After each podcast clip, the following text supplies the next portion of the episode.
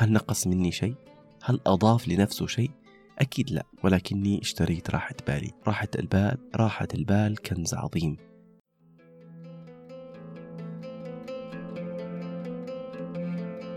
هذا البودكاست من إنتاج شبكة امتنان.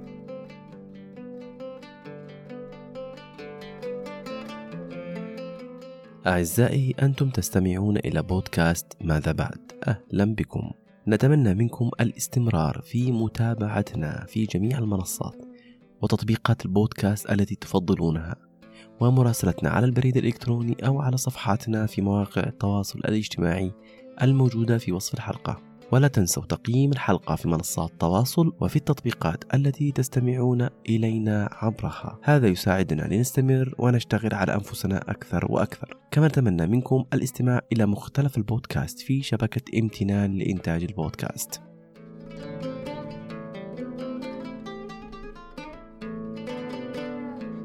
أحيانا نفكر في موضوعات لحلقات بودكاست ماذا بعد. طبعا بالإضافة إلى القيمة المضافة التي تضاف لبودكاست ماذا بعد من خلال الحوارات القيمة لخبرات وتجارب الضيوف التي نستضيفها. إلا أننا نتوقف كثيرا ونفكر أكثر خصوصا مع الكثير من الأفكار التي تصلنا ويقترحها علينا مستمعي البودكاست. لكننا خلال الحلقات الماضية وصلتنا مقترحات تحثنا على الإكثار أو زيادة حلقاتنا السردية الفردية التي أقدمها والتي تعتبر مزيج من أفكار المستمعين الكرام وأيضا نتاج بحث وكتابة عبر الإطلاع على مختلف المصادر التي نستفيد عبرها من كل المنصات والمواقع والفيديوهات. نحاول تقديم خلاصات وفائدة عامة حقيقية. عبر قصة أو فكرة أو تجربة أو حتى صورة. ولهذا اخترنا اليوم موضوع مريح وهادئ يعطيك حالة من السلام الداخلي إذا ما قمت بعمله وأخذت منهج في حياتك.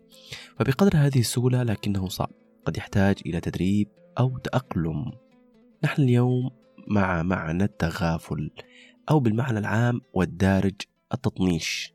خلوكم معنا بعد الفاصل ندخل في التفاصيل. وتغافل تغافل تغابي تكلف الغباء تكلف أن تظهر كذلك وأنت لست كذلك. وهذا التغافل صفة محمودة في الرجال. سئل أعرابي من أذكى الناس؟ قال الفطن المتغافل. هو فطن لما يكون حوله لكن متغافل ليس يحقق في كل ما يقع. أنت لماذا قلت أنا رأيتك؟ ترى أنا شفتك. أما من كانت الغفلة أصلا فيه كان الغباء معدنا فيه هذا لا يصلح لقبيل ولا دبير.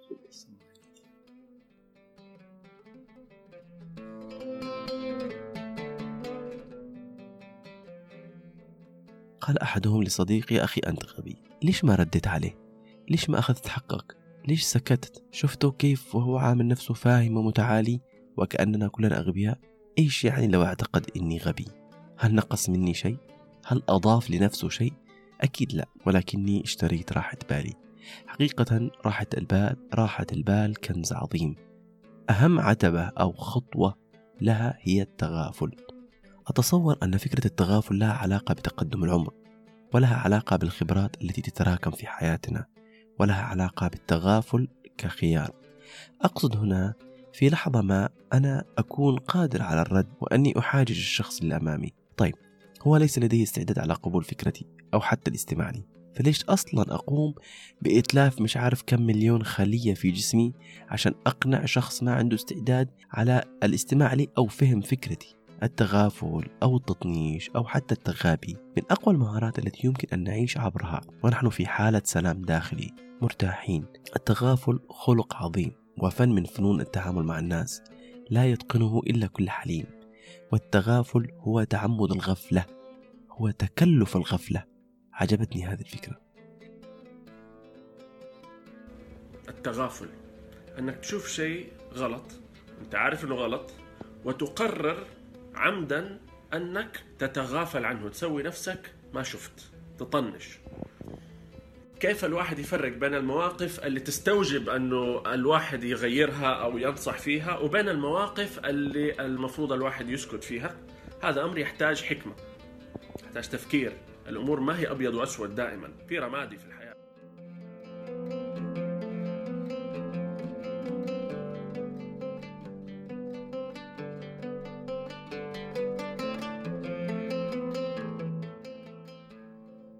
تعرف يعني إيش تكون متكلف في الشيء؟ يعني مبالغ فيه؟ هو تكلف الغفلة مع العلم والإدراك لما تتغافل عنه تكرما منك وترفعا عن سفاسف الأمور. الله. بالله ما تحسوا براحة بمجرد التفكير بهذا الأمر. كم وكم وكم ناس خسرناهم لأننا لم نتغافل. كم وكم مواقف خسرنا حجتنا فيها لأننا لم نتغافل. وكم من قصص عبرت في حياتنا لو تغافلنا فيها لكنا في نتيجة أفضل. لا ما جرحنا القلوب ولا كسرنا النفوس ولا تجاوزنا الاحترام. قليل من الناس من يتخلق ويتحلى بهذا الأدب الرفيع والخلق العظيم والفن الراقي في التعامل. ما أحوجنا أن نتخلق به في الوقت الحاضر. في زمن كثرت فيه الأحكام فكان للتغافل أثرا على الأدب والأخلاق لنتجاوز به الهفوات والأخطاء. لا شك أن مجال استعمال هذا الأدب واسع وفسيح في حياة الإنسان.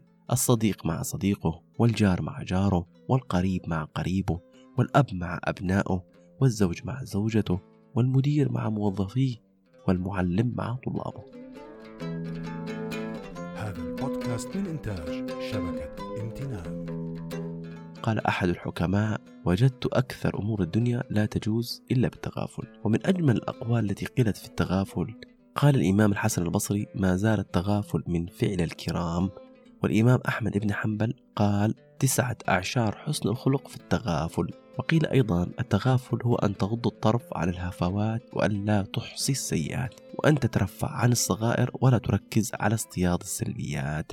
التغافل عن هفوات الآخرين لا يجيدها ولا يتقنها إلا حكيم وسعيد. كلما أجدنا التغافل أقفلنا بابا من أبواب الشر وبالتالي لنبتعد عن التدقيق بالتفاصيل لأن ذلك يرهق أنفسنا بالتفكير.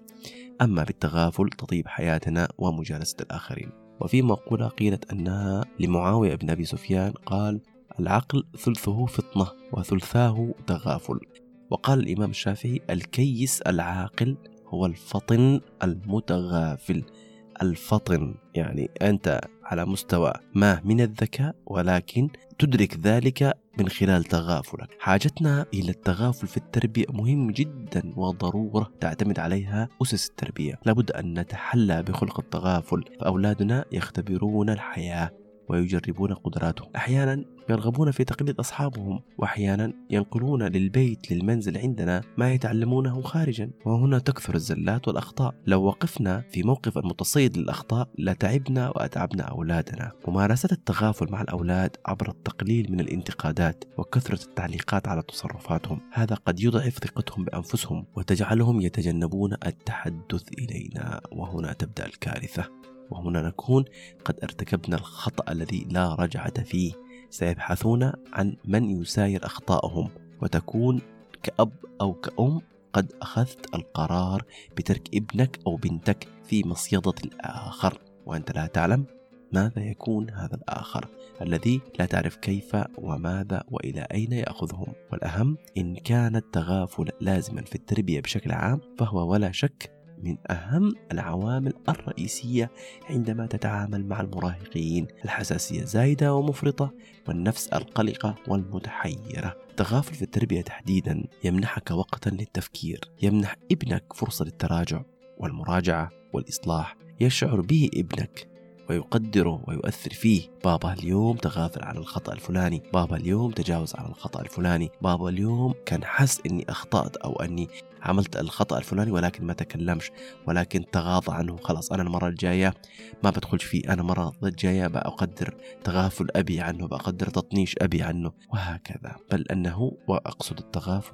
بل أن التغافل يجعل الجو في البيت إيجابيا.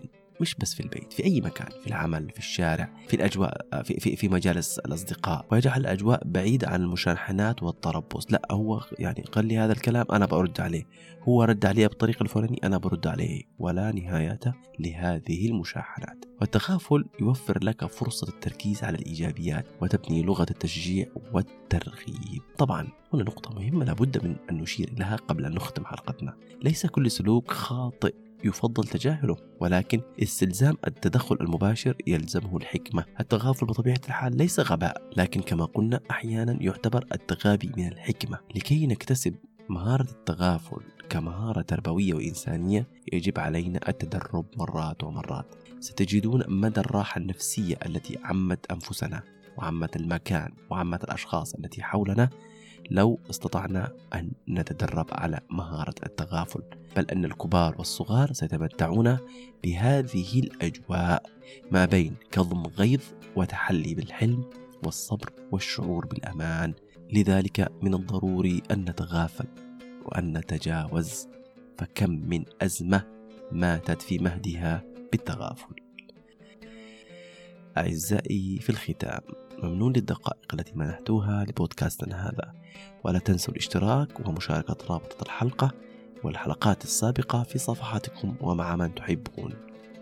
كان معكم أبو بكر من بودكاست ماذا بعد. دمتم في خير.